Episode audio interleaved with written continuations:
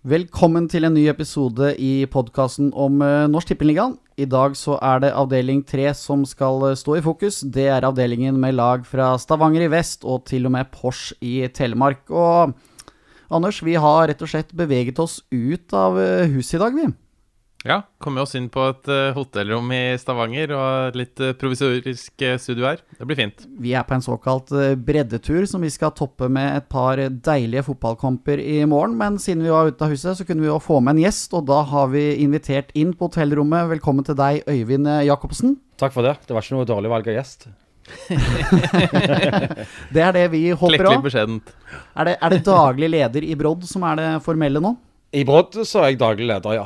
Og så har jeg en del andre hatter uh, utenom. Jeg er litt politiker litt speaker på Viking sine kamper i Eliteserien, men, men, nå er det daglig leder i Brodd. Og du er vel en røst som blir hørt uh, innafor lokalfotballen her i Stavanger-området, i hvert fall? Ja, noen holder seg nok for, foran ørene, men jeg når igjennom til noen. Det gjør jeg. Det er veldig bra. Vi skal komme gjennom samtlige lag eh, i avdelingen i løpet av denne episoden, men aller først så skal vi rette fokus mot et eh, helt spesielt derby, nemlig derbyet mellom Brodd og Vardeneset.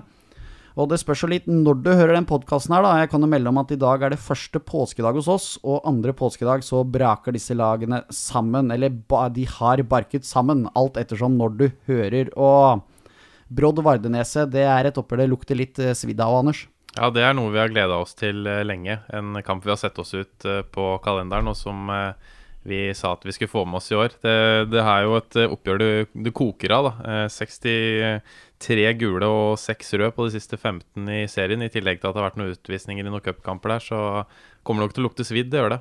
Og I fjor så var det nesten 1000 tilskuere på ene kampen. Hva er det som fenger så rundt de kampene her, Øyvind? Ja, det var 1000 til tross for at han ble sendt live på Aftenbladet med, med Vikingtrener Bjørne Berntsen som kommentator. Nei, uh, det er nok at uh, det er mye sirkus uh, før, under og, og, ofte etter kampen òg. Så, så, folk ønsker jo å få det med seg. Vi, vi, som ikke har vært med på disse kampene, altså jeg kjenner jeg gleder meg. Jeg, altså jeg håper jo det skal smelle litt. Ja, og så er det jo litt, eh, litt spesielt da, for oss som ikke er herfra, at uh, det er jo et oppgjør vi, vi har hørt om, da. Uh, vi som er fra andre steder i landet. Og det er veldig kult at Brodd og Vardnes har klart å, å bygge opp da, et sånt uh, lokaloppgjør på, på, det nivået her. Så det, det blir spennende. Og Jeg har prøvd å lese meg opp litt. altså Det finnes vel egentlig ikke noe spesiell grunn til at Brodd og Vardeneset skal være et sånt spesielt derby? Nei, i utgangspunktet så skal det ikke det. Men uh, bakgrunnen for det var at uh, Brodd rykket opp i tredjedivisjon. Der hadde Vardeneset vært uh, en del år allerede. Og vi kom liksom og var litt kjepphøye, litt sånn Ari Behn, den nye vinen. Skulle spille ballbesittende fotball der de ville slå langt. Og, og, så ble det litt sånn uh, kontroverser og, sånn, og litt sånn fram og tilbake der. Og så toppa det seg da når kapteinen til Verdenes, uh, Espen Haaland, plutselig satt i klubbhuset vårt og ønska å komme til oss. Og Han hadde vært i Verdenes hele livet. Meldte overgang til oss. Han hadde mer tro på det vi drev med. Og de gutta som var igjen i Verdenes, skulle i alle fall nå vise uh, at de skulle ta uh, brodd. Og det klarte de jo. Uh, de kom inn og ødela 100-årsdagen vår, f.eks. i øsende regnvær, og slo oss. Eh, det har vært veldig, veldig mye eh, tøft på banen, men òg uh, utfor banen. Og det har vært så ille at begge styrene i klubbene nå hadde et felles styremøte for noen måneder siden. Ble enige om å dysse kampen ned i, i forkant, rett og slett. Og da kommer vi inn og hjelper på å dra det litt opp igjen. Jeg sitter jo ikke i styret i Brodd, men jeg må jo sånn sett være lojale til, til de beslutningene som gjøres. Men uh, hvis vi ikke kan uh, dyrke sånn en oppgjør som, som dette, så, så, er det ikke vits å drive med det vi holder på med. Vi driver jo ikke med avvikling av kamper. Det skal jo være et engasjement og, og trøkk rundt. Og så skal det selvfølgelig ikke gå så galt som det gjorde i vinter. Ja, og vi kan jo ta først, for eh, som du nevnte i vinter, for da sto det vel et oppslag på Aftenbladet hvor det sto masseslagsmål mellom eh, Vardenes og Brodd. Jeg vet ikke hvor ille det var, ja. Det var også et eh, bilde av deg i den artikkelen. Ja, jeg var jo ute på banen, jeg òg, som, som sistemann. Nei, det var ille. Det var kvelertak, det var spillere som slo hverandre, det var ting som ikke skulle ha vært på, på fotballbanen. Uh, og jeg løp ut for å prøve å, å, å stoppe dette slagsmålet, uh, og, og, ble vist bort. Uh, og så var jeg veldig sint på dommeren, som da valgte å gi to røde til Brodd og ett til Verdeneset. Følte det kanskje burde vært fire til Verdenes og tre til oss, eller noe sånt. Så, det ble veldig mye tull i en kamp som egentlig er helt ubetydelig. Men det viser jo bare hvor langt og hvor mye for langt dette har gått mellom uh, disse to klubbene. Jeg har lyst til å spille opp en annen historie hvor du òg var involvert, Øyvind. For det var vel uh, en hendelse i 2010 med et rødt kort. Ja, jeg bare tenker på hvilken du tenker på når jeg annonserer som speaker. Det er den jeg tenker på, ja. Nei, lang ball uh, mot uh, Verdenesets uh, mål. Keeper kom ut utenfor 16-meteren. Hense. Jeg forteller at her var det rødt kort til keeper Bjarte Egeland tror jeg det var. Uh, og da har jeg plutselig seks Verdenes-ledere og bankende på, på spikerdøra mi, fordi at dommeren har jo ennå ikke gitt dette kortet. Men han, han kommer jo opp etter hvert da med, med, kortet, men det er jo alltid hyggelig som spiker å gi informasjon og, og, og, hjelpe dommere hvis, hvis, det trengs. For den, den, var jo soleklar, så jeg forstår ikke at det er noe sak engang. han fikk rødt etter hvert, ja? Ja, ja, ja. ja. Det er jo soleklart når du går ut og henser. Men det, jeg burde nok sånn i etterkant vente til det røde kortet faktisk var vist. Jeg har jo også jobbet tidligere med Joakim Bårdsen, en tidligere Vardeneset-spiss. Og jeg hadde en YouTube-video som jeg plutselig fant av han, og han ble alltid like bitter når jeg dro opp den. Og det var vel et eh, slag i retning Brodd-spiller. Nå nekter vel han for det, men det viser vel litt om eh, hva som har skjedd i disse kampene. Ja, han, eh, jeg har hørt han senest på en annen podkast for noen måneder siden hvor han fortsatt nekter på at han slo der. Men, men alle som har tilgang til internett, kan jo gå inn og se den videoen. og Den er ganske tydelig på på hva som skjer i, i den situasjonen. Jeg syns at disse oppgjørene er kanonbra, hvis vi tar vekk den voldbiten av kampene. At det er tøft, at det er intenst, at det er litt fyring fram og tilbake før kampen. Nydelig. Men vi må droppe å, drive med, med, med altså slå og den slags. Det må vi gjøre. Og hvis vi ser på uh, morgendagens kamp, uh, Anders, så ser jeg at uh, Brodd er store favoritter på langoddsen. Ja, de Nå har jeg ikke oddsen foran meg. 1,47. 1,47 var det, ja. Vi starta enda litt, eh, litt, lavere på den. Det er ikke, ikke jeg som setter odds på den avdelinga, men sånn vi i hvert fall vi tenker der, det er jo at uh, Brodd på hjemmebane, uh, naturlige favoritter der, vant jo i fjor Skal vi se i fjor ja, vant de hjemmekampen. Men da, ja, men da hadde vi tapt uh, borte og spilt uavgjort i cupen Nei, unnskyld, spilt uavgjort i serien og tapt i, i cupen borte. Mm. Uh, det er ofte at vi vinner hjemme hvis det er på høsten. Hvis det er på mm. slutten av sesongen, så står vi gjerne litt bedre ut. Men uh, de kampene der lever sitt helt eget liv, så vi hadde styrt unna 1,47. Det var det lite verdi i, altså. Det kan være bra verdi på en U eller B der. Ja, U står til 4,75 og borteseier til 3,65, så det blir spennende å se det. Eh, over underlinja der, 1,52 på, på, over 3,5 scoring. Vi kan vel forvente oss litt, eh, litt, mål og litt drama, da. Kan du fortelle litt om Brodd eh, denne sesongen her, Øyvind? Det åpnet jo med festfotball nede i Porsgrunn. Ja, jeg tror vi møtte et veldig dårlig parslag. Uh, ja, Der må jeg allerede bryte inn. Eh, du er jo flink på å prate ned eget lag, at det senker forventningene. Den kampen var jeg faktisk på så live, og det var en, en uh, kjempeprestasjon av, av Brodd. Uh, 5-1 var nok kanskje litt i overkant, men veldig bra prestasjon av Brodd. Og, og, mange spillere jeg kan trekke fram fra den kampen. Så um, ja, Men allikevel, Pors virka veldig seige. da. De, de, hadde veldig lite fart, de hadde ingen spiss. Uh, og de gikk veldig seint i, i midtbaneleddet òg, så jeg tror det var en motstander som sto til brodd. Så uh, det ble en helt annen kamp for oss mot, uh, mot Verdneset og, og, andre lag som har litt mer fart i, i laget. For det tror jeg er en akilleshæl for, for årets Pors-utgave, iallfall. Ja, hvis vi vet ikke om vi skal gå inn på Porsche allerede, eller om vi skal spare litt på dem. Men... Kjør på, du. Ja, eh, Nei, Porsche er jo eh, var jo veldig gode for to år siden. Ble nummer to da. Eh, og Så mista de Tobias Lauritzen til Odd. Og da Det tomrommet var ikke fylt i fjor. Da endte jo nesten med nedrykk. Eh, Syns laget ser mye bedre ut i år, men mangler eh, fortsatt en som kan banke inn mål på topp. Eh, fått inn Adam Pytel fra Tønsberg. Det er en spilletype jeg liker, men i den kampen så påpekte broren min til meg at eh, han, han slår jo bort annenhver pasning. Og ja, var det fem sekunder etter at han sa det, er det feilpasning på midt i banen, og så er det kontring. Og det var det Brodd var veldig flinke til å straffe Porsche på, at ballen ble slått opp, og så var det mye brudd. Men mann for mann så syns jeg det Porsche-laget har, har, mye bra spillere, sånn som Pytel, hvis han uh, luker vekk de der Han er litt, litt for nonchalant i, i, spillet sitt. Hadde han spilt litt enklere, så, så, hadde de ikke fått de der bruddene der. Og Tony nivå, tidligere fløyspiller, veldig god på det nivået her. Han har sansen for. og Gashi og Shala på kantene. Det er, det er et bra lag, så den 5-1-seieren er, er veldig solid.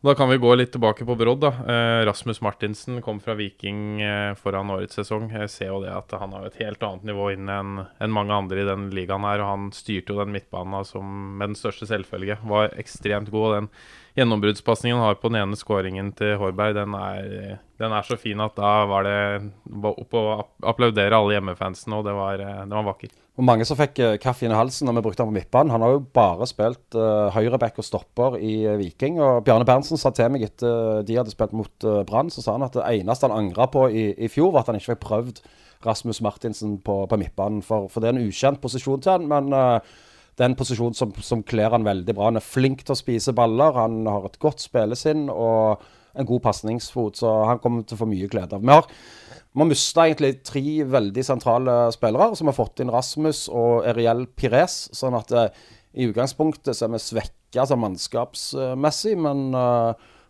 uh, Og det er, jo, det er, jo, mange som er veldig overraska. Jeg er jo kjent for å hente mye spillere. det er mye inn og ut og, og gjennomtrekk i, i Brodd, men i år har vi vært veldig forsiktige. Så får vi se hvordan, hvordan det går. Men vi tar jo ikke av etter slått et veldig svakt Porslag 5-1 borte. altså det er vi må, vi må vente litt. Så jeg tipper nedre halvdel på oss. Apropos snakke ned, er det, men hva er på en måte målet, da? Er det å ende på øvre halvdel, da, eller er det Nei, vårt mål er å spille bra ballbesittende fotball. Utvikle spillere til høyere divisjoner, fortrinnsvis uh, våre egne, og unngå å rykke ned. Og det tror jeg vi skal få til i år òg. Det målet kan vi vel allerede si at det er innfridd. Uh, nedrykk blir det ikke. Det, det kan jeg nærmest garantere. Takk. Øvre halvdel er jeg så godt som sikker på at det blir. Uh, se ut fra andre lagene i, i avdelinga, så tror jeg Brodd er et klart lag på øvre halvdel. Absolutt av de bedre i, i denne avdelinga her. Så de i fjor høst, og syns de har bygd videre på mye av det med, med ny trener. Samme type spillestil. Uh, flinke i, i lengderetningen, flinke til å vite når de skal holde ballen i lag. og og mange spillere som er veldig, veldig dyktige med ballen i beina. Så det, dette er et lag som eh, mange kommer til å slite mot i denne avdelinga her. Vi kan eh, holde oss i Rogaland og prate om Brodd sin motstander eh, Vardeneset først. Det er et lag som er antatt svakere enn Brodd, og de har en annen fotballfilosofi enn dere, Øyvind? Ja, de, og de er stolt av å reise land og strand rundt for å gjøre det de kaller for å ødelegge fotballkamper. og det høres ut som jeg mener at, eh, at, at, at det er noe negativt, men, men, det er en måte å, å få poeng på, på det òg. Og de har en fantastisk gjeng. De har et veldig sterkt kameratskap. Uh, og da lykkes de med det. De, de, de var giant killers i, i, fjor. De slo Fyllingsdalen oppi, oppi der de Ja, de, de overraska mange med å, å, reise opp med tynn tropp og, og, og stjele med seg uh, poeng. Et lag det, som, men det ble en kamp mot Nerik, eller? Ja, det blir nok ikke, ikke noe toppkandidat, men det er som vi prata på her nå, at det er, det er, mange veier til rom. Det som eh, teller i fotball, som Arne Skeie pleier å si, det er å skåre mål. og det, Om man spiller ballbesittende eller om man eh, slår mye langt og kriger mye, så er det måla som teller. og er eh, det virker jo, ut fra kampreferatene deres, så virker det som de hadde litt, litt flyt i første kamp. Virka som Viking hadde fem i stolpen der og flere tusen prosent sjanser, som Vadla skriver i Vadla-hjørna. Eh, det kan anbefales på det sterkeste. Er vel eh, den eh, flinkeste til å skrive kampreferater i, på det nivået her. Jeg er imponert over alle detaljene han får med seg når han spiller sjøl òg.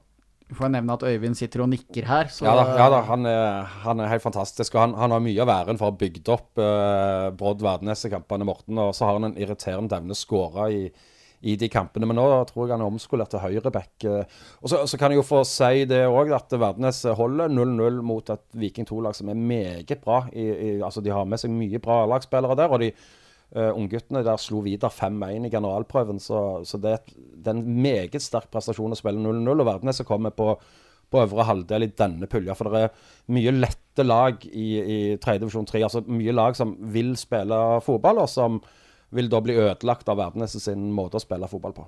Og så hadde han jo en fin uh, avslutning på den saken. Det var uh, dagens kommentar, som han kalte det. Og Det er da fra bettingfolk uh, utenlands på Twitter som skulle få utløp for sin frustrasjon etter den kampen som endte 0-0. Det var jo en ganske klar bortefavoritt der, så det var nok mange som hadde penger på Viking 2. Og da skrev de These wankers could have played until tomorrow without finding the net. Så det var nok, var nok mange som satt og var irriterte når eh, Vardeneset fikk eh, lurt med seg et poeng der. Brodd Vardeneset, altså andre påskedag. Vi hopper videre, og jeg tenker vi kan begynne på den nåværende tabellederen. For det er faktisk eh, Madla, som allerede har spilt eh, to kamper, vunnet én, og så spilt de uavgjort mot Stål eh, Jørpeland sist. og i en av våre første podkaster nevnte du at det var veldig mange som har spilt på Madla-opprykk. Ja, det var den aller første, faktisk. Intropodkasten. Da prata vi om det, at vi hadde jo Madla til 50 odds. Det ble jo en liten sånn uh, liten uh, hva er det, kommunedrag. Det var mange som, uh, som tok seg noe lodd der. Uh, de forsterka jo ganske bra, og så fulgte ikke vi helt med i timen og hadde fortsatt 50 odds. Så den ble jo sagd ganske, ganske solid til slutt. Endte på, på 13. Det er jo et lag som har bytta en, bytta en del spillere, bl.a. Mats Bøgil, som har fartstid i Bryne. Uh, Mista et par òg, da. Chris Danielsen, broren til André og Lars Sveingard, keeper til Sola. Så Men alt i alt så ser det nok eh, bedre ut uh, enn fjoråret. Så bedre ut i alle fall. For Mats Bøgil har vel nå mer eller mindre gitt beskjed om at han gir seg. Så oh, ja. han var ikke med mot uh, Stål Jørpeland, hvor de for øvrig burde hatt alle tre poenger, men Stål utligner på, på overtid. Uh, Jonas Følstad, stopper fra Trøndelag, ble jo òg nevnt som en forsterkning. Han er neppe på banen til langt utpå sommeren. Eh, jeg har ikke noe tro på, på, på Madla høyt der oppe, sånn at de pengene tror jeg ikke Norsk Tipping trenger å være veldig redd for å måtte betale ut igjen. Nei, Kapteinen til Madla, Thomas Leideland, var jo heller ikke eh, veldig optimistisk på eget lags vegne. For han skrev eh, da oddsen ble stengt når vi måtte ta en liten sjekk, så skrev han på Twitter Madla rykker aldri opp, så da slapp folk å gå i den fella. Til de som ikke hadde fått spilt. Det, men at Mats Bøgel ikke skal skal være med. Det var uh, ny info for meg. Overraskende. Så hva er, uh, hva er grunnen til det? Nei, Han har uh, to unger. Han er tidligere Brodd-spiller. som jeg snakka litt med han i vinter. Han var veldig usikker på motivasjonen sin. Og så er han god kompis med trenerne der. Og så fant han vel ut ganske fort når han var liksom inne i, i syklusen at dette ble for travelt for han. Så kan det jo være han blir med på enkelte kamper og, og den slags. Men han har vel gitt beskjed om at det blir vanskelig for han å, å bli med noe særlig. Og det er jo et uh, blow, som det heter på engelsk, for, uh, for Madla, som, som, ellers har mye bra spillere. Kanskje en av divisjonens beste i Kristoffer Talje. Mm. Uh, som er veldig undervurdert, og har vært undervurdert i mange, mange år. Uh, blir spennende å se hva han kan få til, hvis han klarer å la, fikse den miksen mellom jobbsituasjon og, og spill. For, for, på dette nivået så er det jo en del sånne ting som, som må løses òg. Og så har de jo et, eh, et, solid våpen der, med innkastene til Lars Marvik. Det så de borte mot, uh, mot Stål Jøpeland på stream der. Han kaster jo nesten inn i mål, så det er bare å få en uh, liten uh, hårtuss på han, så er det goal nesten hver gang. Det er veldig farlig. Ekstremt angrepsvåpen. Stemmer det. Vi hopper videre til uh, Stål Jørpeland. Og nå kan gjerne noen historikere arrestere meg, men jeg tror dette er det laget som har vært uh, lengst i tredjevisjon uh, nå. Hvor det er nei, Lillestrøm som holder til i Eliteserien og aldri rykker ned. Så er det Stål Jørpeland som verken rykker opp eller ned fra tredjevisjon. Og det blir vel kanskje en ny sesong òg, da? Ja, det ser jo sånn ut. Nå som det har gått ned til tre nedrykkslag, så skal de nok ikke klare å rote seg ned nedi der var som vi prata om så vidt her nå, den kampen de spilte mot Madla, 2-2 der, var jo ikke all, all verdens til eh, bane enda på ute der. De spiller jo på naturgress. Eh, fikk med seg 2-2, skåring på overtid. Ørjan Bjørlo som utligna med en eh, fin heading der, eh, langt inn i årtida. Uh, det var jo første poenget deres, men i serieåpninga borte mot Fløy, laget som vi har spådd som opprykkskandidat, så tapte de for å si bare 3-1. da. Og de to første måla, det var 2-0 før Story reduserte. De to første måla var på dødball, så mm, det må jo være litt kjipt når de på en måte ligger bra og forsvarer seg godt. Så, og de hadde altså ganske mange gode resultater på på bortebane i fjor. Eh, slo, nei, tok poeng av både Ørn Horten, Madla, Don og FK Tønsberg. Men det var hjemmebane det hakka litt. Kun fire hjemmeseiere. Så hvis de skal hevde seg litt oppover på tabellen denne sesongen her, så må de ta flere poeng hjemme.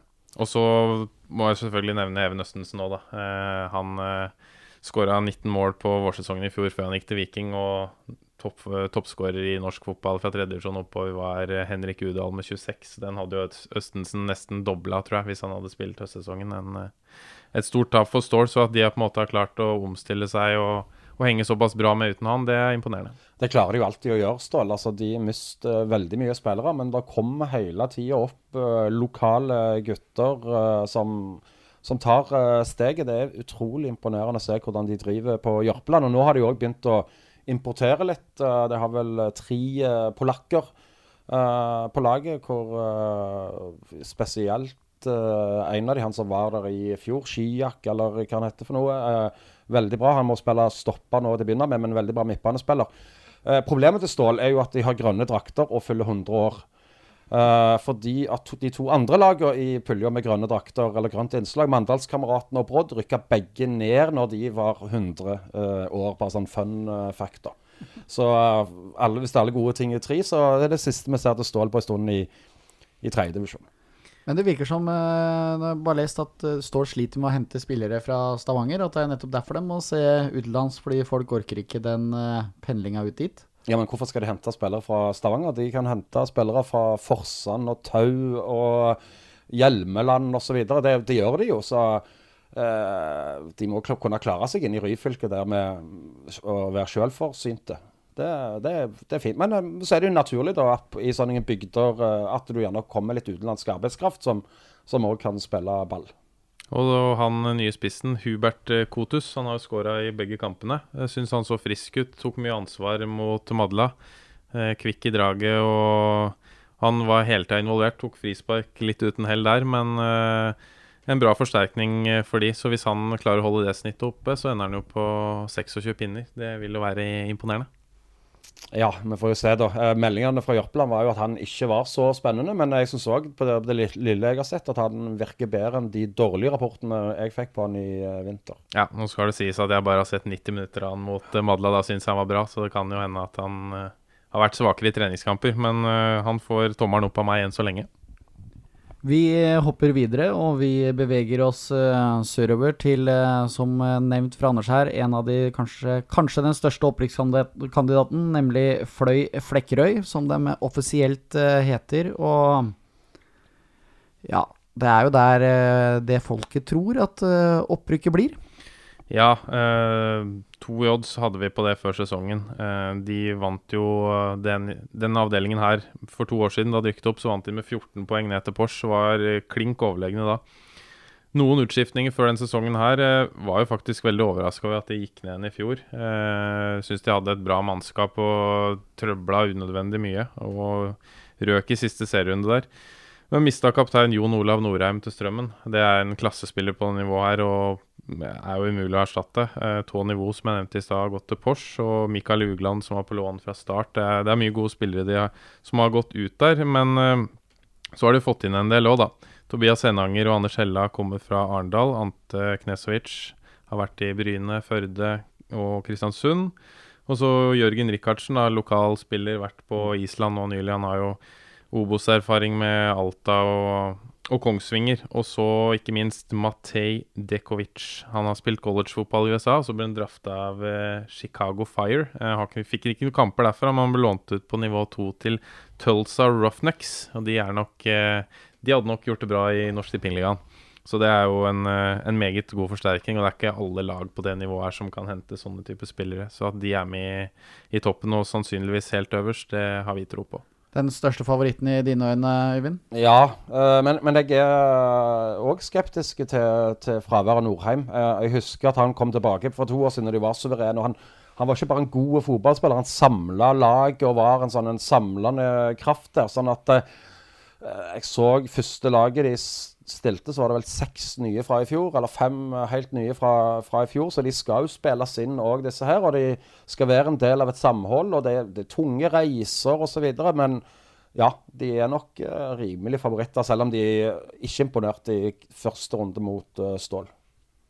Nei, det var jo som vi nevnte at de skåra to, to, dødballmål. Det er jo fint å ha den styrken òg, at man kan, kan, avgjøre på dødball når spillet ikke flyter helt. Og så har de jo Dard Andresjaj han starta faktisk på benken nå mot Stål, kom inn og skåra etter to minutter. Det er jo en spiller som uh, har potensial til å pøse inn på det nivået her, i tillegg til Lasse Sigurdsen, som ikke fikk det helt til i fjor, men han også er jo et stort talent. Så når de får eh, spilt seg litt varme i trøya, den uh, troppen der, så blir de veldig vanskelig å møte. Og spesielt hjemme på øya der, da. der er det ikke mange som kommer til å få med seg poeng i år. Ja, og Det er fantastisk mye bra folk i og rundt uh, den klubben. Og det er mye lokale spillere òg. I første serierunde satt nesten alle de på, på benken.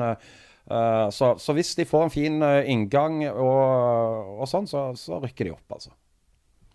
Da rykker eh, Fløy opp. Vi hopper over til uh, Jæren og til et uh, andre lag, nemlig Bryne 2. Og hvis jeg har forstått reglene rett, så trenger vel ikke Bryne bry seg om disse aldersgrensene med å kun ha tre stykk over 22. Det er vel en fordel for et andre lag?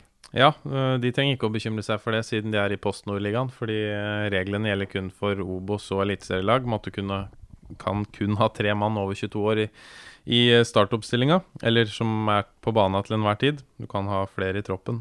Men ja, samme det. Poenget var i hvert fall at uh, alle som sitter på benken da, for uh, Bryne i Post Nord-ligaen, de kan spille for Bryne 2, og det er jo en kjempefordel.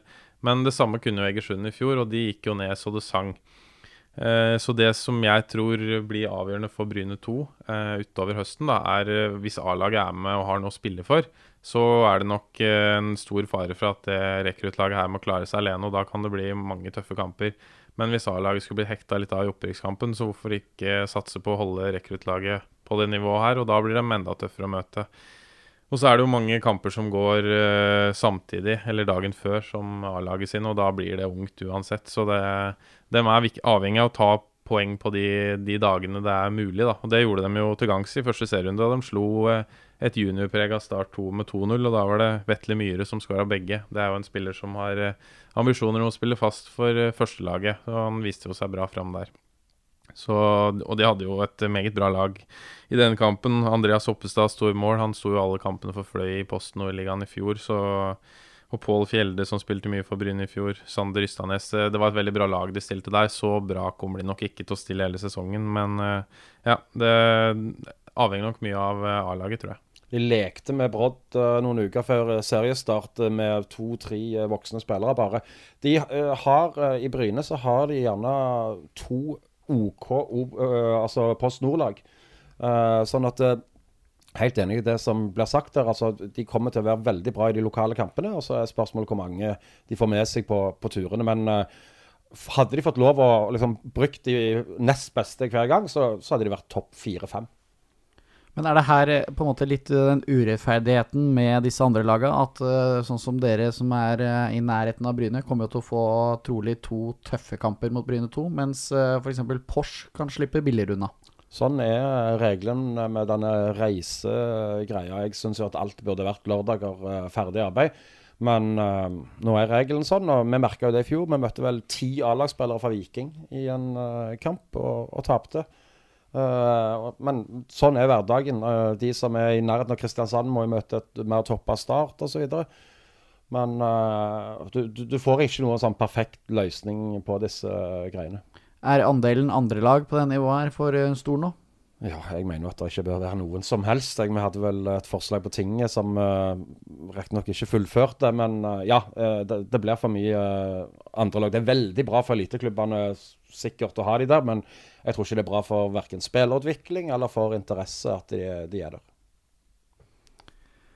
Vi kan eh, holde oss på andrelagene når vi først er i gang. Og du nevnte jo Viking 2, eh, Øyvind. Det ble ett poeng i eh, seriepremieren mot Vardeneset. Og er det stort sett unge juniorgutter som kommer til å kle på seg den mørkeblå drakta i år? Ja, eh, problemet er jo at de er ganske gode. Eh, og jeg tror faktisk at de er det er faktisk et lag som kan være bedre uten A-lagsspillere uh, på de lørdagsturene. Det viste de noen ganger i, i fjor òg. Uh, eh, reiste vel opp og slo Sotra uh, borte. Vi ble rundspilt av de i en treningskamp. Vidar ble rundspilt og tapte 5-1 mot de. Det, det, er mye talenter. Det er fart, det er fysikk, det er pasningskvalitet. Så hvis et altså Hvis det er noen lag som skal ta de, så er det Verdeneset. Og de tok et uh, gjerne heldig poeng, men, men, Viking 2 blir fryktelig bra i år. Ja, gror det, gror det veldig godt i Viking om dagen, eller? Ja, etter mange, etter syv magre, holdt jeg på å si, så, så er det på tide å, å, høste litt av det arbeidet som gjøres i utviklingsavdelingen der. Det kommer mye spennende fra, fra, fra Vikings ungdomsavdeling. Det gjør det. Uh, Ivar Øydvin, en veldig spennende 2001-spiss og bankenmål. uh, hvor det måtte være fra. Du har en Sander Amble Haugen som løper og løper. Det, du har bra forsvarsrekke med både 02-ere og 01-ere som, som, er veldig bra. Dine tanker om eh, vikingrekruttene, Anders? Ja, Hvis vi ser på sesongoddsen, så hadde vi Viking til ti odds eh, på en øh, femteplass. Uh, og det var jo i fjor, så endte de på fjerdeplass. Tok faktisk flere poeng borte enn hjemme. Så det viser jo bare at uh, det er jo et lag Det har selvfølgelig vært litt utskiftninger der òg, men eh, at det er, eh, det er mange gode årganger der eh, som er med å prege ligaen. Og vi tror de gjør det omtrent som i fjor. Da hopper vi til Kristiansand. Start, start 2, som da tapte seriepremieren mot Bryne 2. Ja, i fjor så gjorde de noe veldig dårlig på vårsesongen, og så begynte de å stille kruttsterkt utover høsten. og og klarte seg jo ganske greit til slutt. Men nå starta de jo dårlig igjen, så jeg vet ikke om eh, de har tenkt å kjøre samme oppskriften eh, igjen i år. Det er jo, på de rekruttlagene så er det jo alltid en del utskiftninger. De som eldste juniorspillerne blir for gamle, og noen blir tatt opp i avtaler, mens de fleste finner seg nye klubber. Så vi har jo ikke noe troa på at de, de, rykker ned. I hvert fall ikke når det har gått ned til tre nedrykkslag, men at de havner sånn rundt midt på er vel ganske naturlig å, å tenke. Og så er det som vi prata om i stad, om at uh, de kampene i Kristiansandsområdet, da kan vel hende de stiller litt bedre enn de vil gjøre på en, en mandag på Jæren. Ender de over eller under Brodd? Eh, godt under eh, Brodd. jeg, tror, jeg tror Start 2 kan faktisk eh, rykke ned, eh, men, men, det er jo fryktelig dårlig kunnskap altså, som ligger i, i bånn. Det er mye elementer som, som spiller inn her, men uh, de har jo offloada noen av de beste ungguttene sine rundt, om, rundt, omkring. og Så kommer det sikkert til å være litt uh, bråk, og så kommer de til å leie ut litt andre sultne spillere som ikke har lyst til å spille i tredjedivisjon. Og så er spørsmålet hva tilfang har de. Så ja. Uh, de kan fort havne nedi der, tror jeg. Det er sånn vanskelig å si òg, fordi at sånn vi, som vi prata om her nå med, med hvordan eh, de spillerne responderer da, på å bli satt ned på, på rekruttlaget. En spiller som Aron Sigurd Larsson uh, i fjor, han uh, han var jo kjempegod i Tromsø og ble jo snakka om at, han, at Tvente i æresdivisjonen var interessert i han. Og så og falt den etter hvert litt igjennom der, og så ble han solgt til Start. Skulle liksom ta nivået der og, og herje. Og så blir han flytta ned og spiller mye kamper på Start 2. Men han var faktisk veldig god og tok den oppgaven av en seriøst. Og, og, det er litt avhengig av da om eh, spillerne tar den oppgaven her seriøst, så er det jo en kjempeforsterkning. Men om de bare reiser rundt for å, å ha det som en treningsøkt, så er det jo ikke noe, noe poeng. Så det, Nei, Jeg tror ikke de rykker ned, men uh, jeg tror ikke de er i nærheten av toppen heller. Sånn cirka midt på er vel mitt uh, tips. Vi holder oss på Sørlandet og bytter ut uh, gult med grønt. Og et lag som da jeg virkelig begynte å interessere meg for fotball, og så smått begynte å følge HamKam, så var Mandalskameratene en motstander for dem i førstedivisjon. Nå er det Norsk Tippingligaen som gjelder. og det ble tre poeng i premieren her, altså. Ja, det ble det borte mot Flint. Det var litt uh, overraskende. Der hadde vi ganske stor favoritt uh, på Flint. Mandalskameratene rykka jo opp uh, fra fjerdedivisjon Agder i fjor etter De var vel det året du prata på der da de møtte HamKam, var vel 2001. Da lurer jeg på om de endte foran Start på tabellen i førstedivisjon og var Sørlandets beste lag faktisk noen av spillerne som er med igjen, som spilte mot HamKam da. Det er jo helt utrolig. Det Tor Olve Fagnastøl, Stein Ove Abrahamsen og Inge Nilsen var med i serieåpninga. Det er jo uh, spillere som er godt voksne. da, Også Vegard Landås uh, tidligere ble jo solgt fra, i sin tid fra Mandalskameratene til Monaco. Han ble matchvinner i serieåpninga borte mot Flint, så det er jo et lag med mye rutine, i hvert fall. Og så har de jo en, en del unggutter òg. Men uh, i preseason så har det sett litt shaky ut. Røk ut uh, i cupen på straffer. Uh, ja, de skal, uh, de skal nok få det tøft, selv om de vant den, den, første der. Så blir det spennende å se. Nå får de jo Fløy på, på besøk andre påskedag.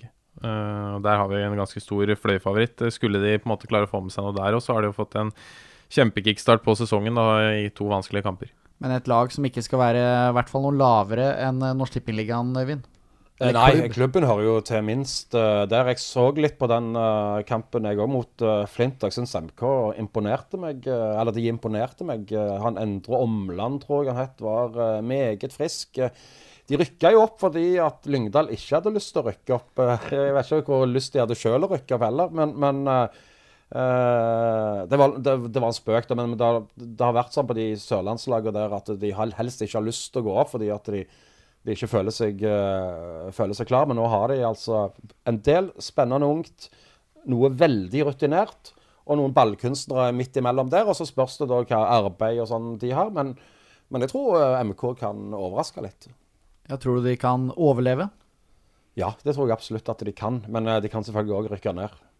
Men nå som vi har gått ned til tre nedrykkslag, så kan vel alle overleve. Da det var fire, så var det noen som var fortapte før vi begynte, men nå som det er tre plasser, så så skal vel de fleste laga på det nivået her kunne klare å uh, karre seg opp på trygg grunn, med et par unntak.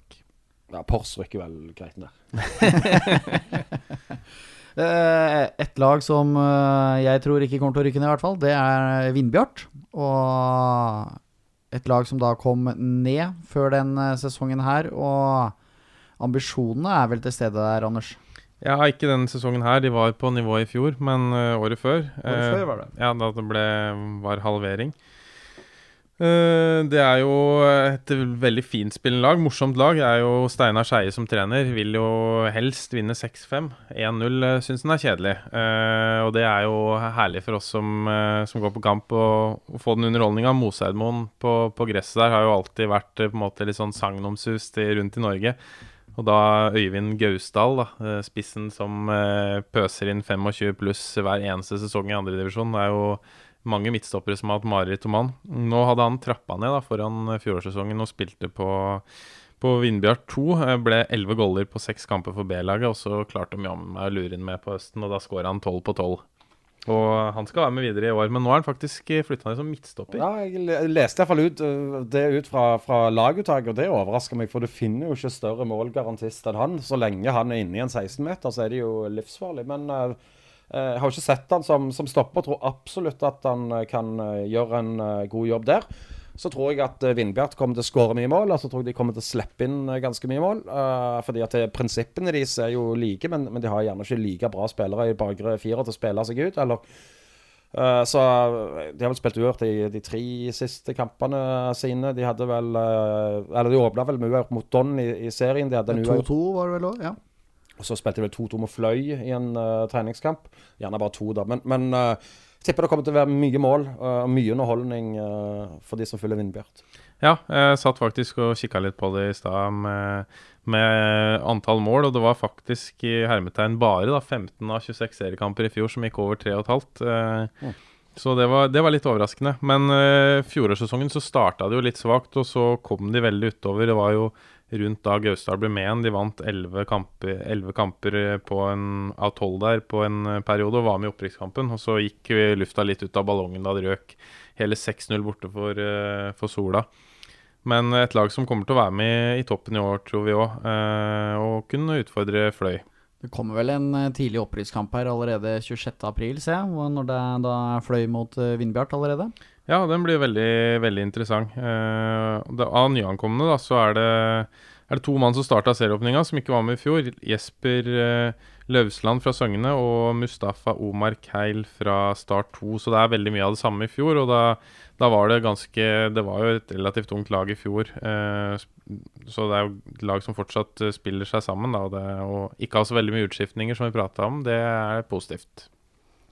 Uh, vi hopper over til uh, laget som håpet å få start i cupen, men som ikke fikk det, nemlig Kristiansandslaget Don. Og du rister på huet her, Øyvind. Ja, det er altså jeg, jeg, snakket tidligere om avvikling osv. Og, så videre, og, og manglende entusiasme osv. At, at NFF uh, klarer å få til å sette opp Don Notodden Nei, unnskyld, Don Notodden, var det ikke? Og, og Start fram Larvik med et argument om at Start møtte Don i 2016, og så viser det seg at Start møtte også Fram Larvik i 2016 i runde to. Det, det, det, er godt gjort, altså. Uh, og sånn gjør meg liksom maktesløs. Uh, for, for, det er mulig å få til disse oppsettene mye bedre hvis man bare tar en telefon og to. Og det syns jeg de godt kan gjøre, altså. Uh, men da skal vi ikke vi snakke om cup, da. Det betyr jo at det er Norsk Tippingligaen. De fikk jo ikke den cup-godbiten å glede seg til, så da må de heller fokusere på ligaen. Men et lag som virkelig kan bite fra seg det her. Ja, det er et lag som skåra i 24 av 26 seriekamper i fjor. Eh, alltid underholdning med Don. Jeg så de borte mot Sola i fjor. Eh, da hadde jeg fått rapporter før kampen på at de var veldig svekka. Blant annet mangla de keeperen, så reservekeeperen som skulle stå. Og, og han er jo førstekeeper nå. Nils Fredrik Udjus. Han var eh, svær som ei låvedør. Han var jo ekstremt god, så de der eh, rapportene jeg fikk på at det var et svekka Don-lag, det sier vel litt om hvor, hvor bra det Don-laget egentlig var. Som nyopprykka i fjor gjorde de veldig bra.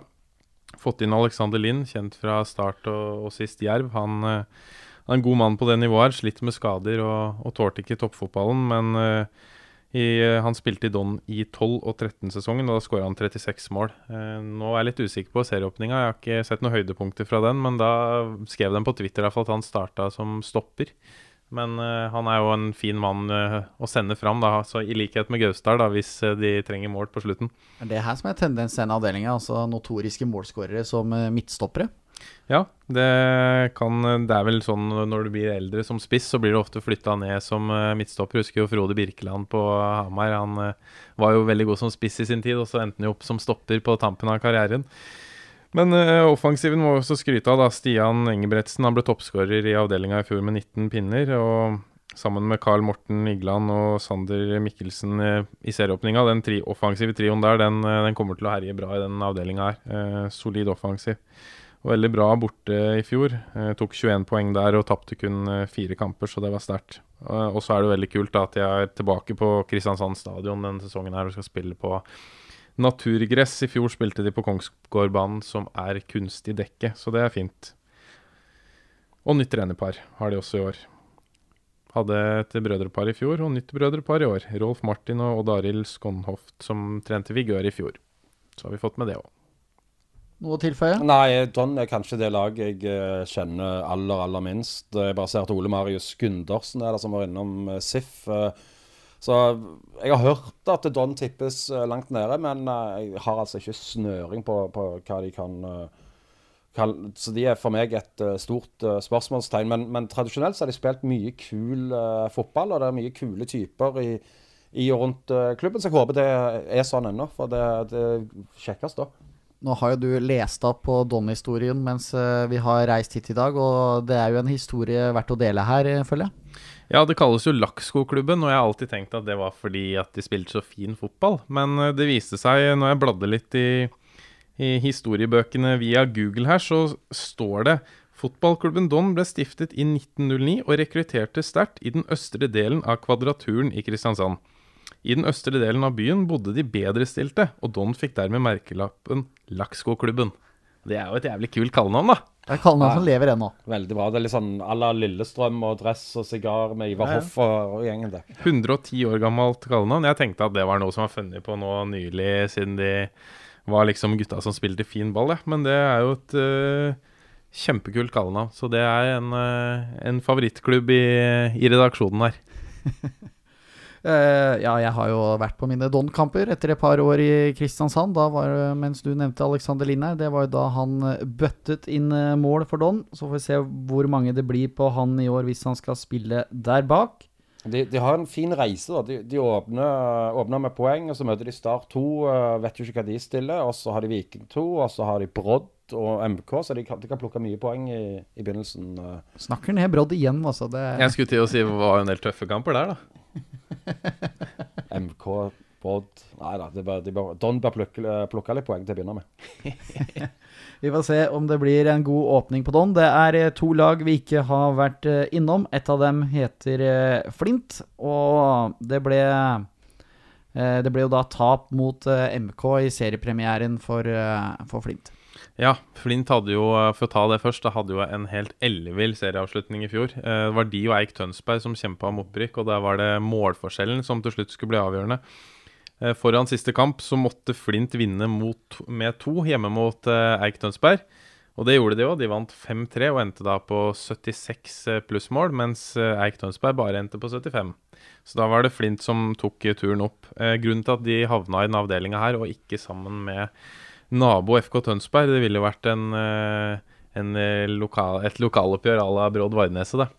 Men grunnen til at de havna her, var fordi at det var, var påprata at det skulle bli et samarbeid mellom Tønsberg og Flint og, og Eik. Eh, Eik trakk seg tidlig ut. Flint og Tønsberg diskuterte videre, men endte opp med å ikke samarbeide. og og det skjedde jo i det, den tida NFF satte opp uh, avdelingene, så da måtte de dele opp da, og sende Flint, som i hermetegn ble taperen, da, uh, reisemessig. Uh, nå er nok FK Tønsberg taperen sportslig med at de har en, en vanskeligere avdeling, men, men nok om det. Flint har henta inn ganske mye spillere foran den sesongen her, og det kan nok ta tid å spille sammen uh, laget. Det, det, så vi jo da at når de røk som ganske store favoritter på hjemmebane i serieåpningen mot nyopprykkede Mandalskameratene. Uh, men fått på plass mye gode spillere. Uh, Hassan Ramani, god sentral midtbanespiller som spilte på Lysekloster i fjor. Han var flink til å styre, styre matchene for de. Julius Myrbakk, overgang fra nabo Tønsberg. Eh, Shah, Mohammed han spilte, hadde noen innhopp for uh, Sandefjord i Eliteserien i fjor og spilte fast for uh, Sandefjord 2. Og, og, så har de også en, en bra angriper i Adrian Krishian, som har skåra mål på det nivået her for Verdal i, Verdalen i 2017. Så, så, laget ser ganske bra ut, men, det er nok litt, litt usikkerhet hvordan de er i starten, da, med tanke på at de skal spille seg sammen. Og grunnen til også at vi hadde såpass lav odds da, i utgangspunktet, hvis noen lurte på det, for det var jo et nyopprykka lag som vi hadde på, på fjerdeplass, er jo dette samarbeidet da, som jeg prata om, som var vanskelig å vite hva det skulle ende med. Å, å selge f.eks.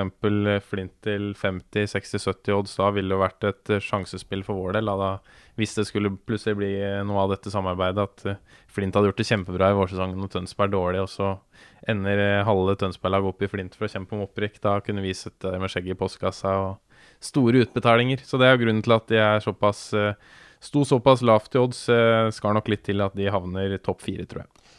Allikevel så er det jo andre som tipper de nå uh, tett opp mot uh, fjerde-femteplass. Uh, Kjernås i Sportshjørnet er jo vel uh, det. jeg så jo som sagt den kampen deres mot MK. Jeg fikk litt sånn uh, déjà vu fra, fra Brodd. At det var veldig mye gode fotballspillere, men de spilte veldig mye én og én. Det var veldig mye uh, fiksfakseri uh, uten tempo. Så jeg tror de kan bli uh, straffa hvis de ikke får litt mer struktur inn i uh, mannskapet sitt. Men nå, nå, fikk de seg jo en, en tøff åpning og går sikkert litt sånn i, i kjelleren og, og rydder opp før de neste kampene. Blant annet mot Brodd snart.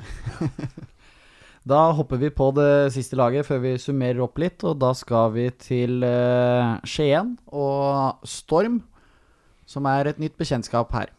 Ja, du sa vel i stad at uh, avdelingen var fra Stavanger i vest til Porsgrunn i øst. Uh, Storm er vel enda litt lenger enn Porsgrunn? Ja, Porsgrunn-Skien er ikke så langt fra hverandre, så jeg får ta den. Men jeg, jeg tar nå. De, de, som bor der, de er nok opptatt av det. Men uansett, Storm, ja. Nyopprykka lag. Uh, tror nok de skal få det tøft uh, hvis vi ser på de lagene som har kommet fra Telemark som nyopprykket i årene som har vært. Så, så har, vært, har, de slitt veldig. Uredd var på det nivået her i fjor. Vant én bortekamp og tapte tapte tolv. Odd 3 var her året før og tapte alle bortekampene. Uh, Starta Storm og å tape første bortekamp 0-2 for Madla. Lå under 2-0 etter åtte minutter, og det, det kunne blitt stygt. Men uh, klarte å spille seg litt inn i det samtidig som Madla slapp seg litt ned utover kampen. Så var det en jevn andreomgang, men Madla hadde jo, hadde jo, god kontroll der. Det er mye av, av, det de hadde i fjor, har ikke forsterka noe særlig. og og da blir det nok veldig tøft å klare seg på det nivået her. Har eh, få spillere som har vært med her før. Eh, viktig spiss i Thomas Pedersen. Han skåra mange mål for, eh, for, Storm, men Storm spilte faktisk i femtedivisjon for to år siden. De har vunnet femtedivisjon og så fjerdedivisjon på direkten. Så det er jo mange som har tatt eh, ekstremt store steg eh, sportslig her, da, ved å gå fra nesten bedriftsfotball til eh, ja, Så dårlig er det ikke femtedivisjon, men altså, ja, det er veldig stor forskjell, da. Så det blir veldig spennende å se hvordan, hvordan de kommer til å gjøre det i år. Eh, og så er det en fordel fordi at det kun er tre ned. Det gjør jo at de på en måte har en mulighet. Hadde det vært fire, så hadde det vært helt eh, sjanseløst, tror jeg. Eh, en spiller som du kanskje kjenner til, Tarjei Fiskum. Han har jo vært og spilt eh, i Brodd. Jo da, fantastisk uh, fyr Tarjei. Var midtstopper hos oss. Jeg forstår ikke hva overtalelsesevner han har i, i, Telemark. For han spilte starta sesongen i Pors i fjor som spiss. Var skrekkelig svak der og ble etter hvert benka. og så så jeg han starta på topp òg for Storm. Så en beskjed til treneren til Storm. Send han ned som, som midtstopper. Ref stopper spiss vi har snakka om. Han er en bra eh, midtstopper. Han er ingen spiss. Han, han prøvde i Brodd òg å få spille spiss, men eh, det ble lite av det. Jeg tror han for øvrig har i alle fall eh, to røde kort i oppgjørene Brodd-Verdeneset. Og så har han provosert fram ett og to òg fra, fra Verdenes og filma seg til noen straffer osv. Så, videre. så det er en fyr jeg savner voldsomt, kanskje mest utenfor banen nå. Ja, Det er jo han, og også i tillegg Mathias Hegna, som er kaptein. Han har også spilt andredivisjon for Porsche og Strindheim, men bortsett fra det så er det, er det et ungt lag med, med lite rutine, da. Eh, og ja, da tror vi de får det veldig tøft. Vi har jo de eh, tippa de på nedrykk. Eh, og så er det veldig spennende å se nå, da. Lokaloppgjør mot eh, Porsche andre påskedag hjemmebane der. Det er jo en kamp som er eh, Relativt jevn oddsmessig. Porsche eh, små favoritter der. Eh, Øyvind har jo null tro på Porsche, så Stemmer. Det er jo typisk at uh, Storm får en god start. Altså med, med, den gjengen som har entusiasme. og Nå skal de vise storebror i, i området da, at de, de, er bedre. og Da tror jeg det er en veldig stor sjanse for at når folk hører på denne podkasten, at Storm har slått Porsche. Ja, for jeg tipper motsatt. da Jeg tror at Porsche vinner den kampen. Så får vi se om det, da blir det vel uavgjort, da. Men det er vel noe med det å få den der flying-starten når du er ny på det nivået. Altså Du må ta med den engasjementen og klare å skaffe noen poeng i starten for å bygge opp litt videre. Ja, uh, Storm flyr jo til alle kampene her. Syns det var litt uh, Oi. ganske spesielt. Altså De har litt sånn rare kamptidspunkter. Men uh, de må nok fram med, med arbeidsklærne på, for å overleve i divisjonen. Og da er det ingen oppgjør enn en et lokaloppgjør mot Pors, hvor det er greit å finne fram de første gang. Men den fjerdedivisjonen i Telemark den, den, virker ikke å være særlig sterk. I fjor var det Storm og Odd 3 som kjempa om opprykket, og jeg kryssa jo alt av finger og tær og alt mulig for at ikke Odd 3 skulle komme opp igjen. Jeg husker jo med skrekk og gru hvordan de var på nivå for eh, et par sesonger siden. Og ellers så var det jo sånn 20 poeng ned til tredjeplass eller noe sånt der alle slo alle, så Uh, Uredd i fjor hadde jeg litt troa på. De gjorde det jo bra hjemme, men var fryktelig svake borte. Så hvis Storm skal være like svake borte, så er det jo sjanseløst å holde seg på nivå. Men uh, selvfølgelig, å fly på bortekamper, det er jo en, en luksus, det. Så det, kanskje det er det som hjelper til å bikke et par oppgjør i dems favør. Det er vel kanskje bare Storm som skal fly litt i en avdelinga her, da? Hvis jeg Brodd har ingen planer om å fly ned til Telemark? Nei, vi skal ikke fly en eneste gang. Vi tar buss uh, og overnatter dagen før. Uh, og så spiller vi så tidlig vi kan, og kommer oss hjem forhåpentligvis med sekken full av poeng og skåringer. Det syns jeg var helt nydelig da i, i serieåpninga, når uh, den kampen var klokka ett. Og så kunne jeg sette meg i bilen og så ture videre og få en match på ettermiddagen der. Så det er helt nydelig. Så det er jo faktisk eh, bortekamp mot Flint. Den starter vel halv ett eh, ja, helt korrekt. neste lørdag. Den jeg, vurderer jeg kanskje å ta meg en tur på der. Da får jeg to kamper den dagen også, så det er bra. Spill du, tidlig. Da får du se litt mer av Sindre Hårberg. Det, vi kan ikke ha en pod uten å snakke om han. Uh, kommer til å skåre fryktelig mye mål. Skåret tre i åpningen. Skåret 25 på 25. Var eneste uttalelse i, i Fana som uh, var bedre. Han ser helt blistering ut nå. Og kommer ikke til å spille lenge i, i Brodd, er jeg redd. Nei, han eh, Jeg var og så kampen borte mot uh, Fana i fjor. Uh, husker jeg ikke. Jeg lurer på om han ble matchvinner der. Jeg har ikke det foran meg. Det ble 1-2 i hvert fall. Uh, ja, det er ikke foran meg. Samme det. han er i hvert fall strålende, en strålende spiss på det nivået her. Hat trick i debuten, eller seriepremieren mot Porsche. Du ser det ved han at han, han har absolutt potensial til til å nå mye lenger enn enn Norsk Shippingligaen og kommer til å terrorisere mange forsvar den sesongen her. Og Det hadde jo vært gøy også om, om denne ligaen klarer å ikke bare hente spillere som trapper ned, men òg klarer å levere fl enda flere spillere opp til høyere nivå. Det må jo være målet for flest mulig klubber, håper jeg. Ja, vi har jo ferske, ferske eksempler fra i fjor, da, med Even Østensen, som går fra Stål Jørpeland på det nivået her opp til Viking og er med og, og spiller de opp i Eliteserien. Han skåra ikke han eh, borte mot Mjøndalen eh, Borte mot ja. Ålesund, borte mot Mjøndalen, så han hadde absolutt aksjer i det opprykket. Vi, vi har jo selv gitt fra oss uh, De Sosa og Berntsen til Nesotra og, og Sandnes Ulf riktignok på nivå to. Uh, men, men, det er jo det som er gøy for oss som, som driver med dette. At du både får resultater selv og kan levere spillere høyere opp. Jeg nevnte, nevnte Hårberg, da. Altså, tror du han kan forsvinne allerede i sommeren og helt opp til Eliteserien, eller er det noen Obos-klubber som er å snusse litt på han? Ja, du, du er alltid deg sjøl nærmest, men uh, jeg mener jo at det er en tjenesteforsømmelse av uh, Bengt Sæternes å ikke hente han til, til Sandnes Ulf. Uh, han har vært på en vikingtrening nå, var mer som en sånn gjest.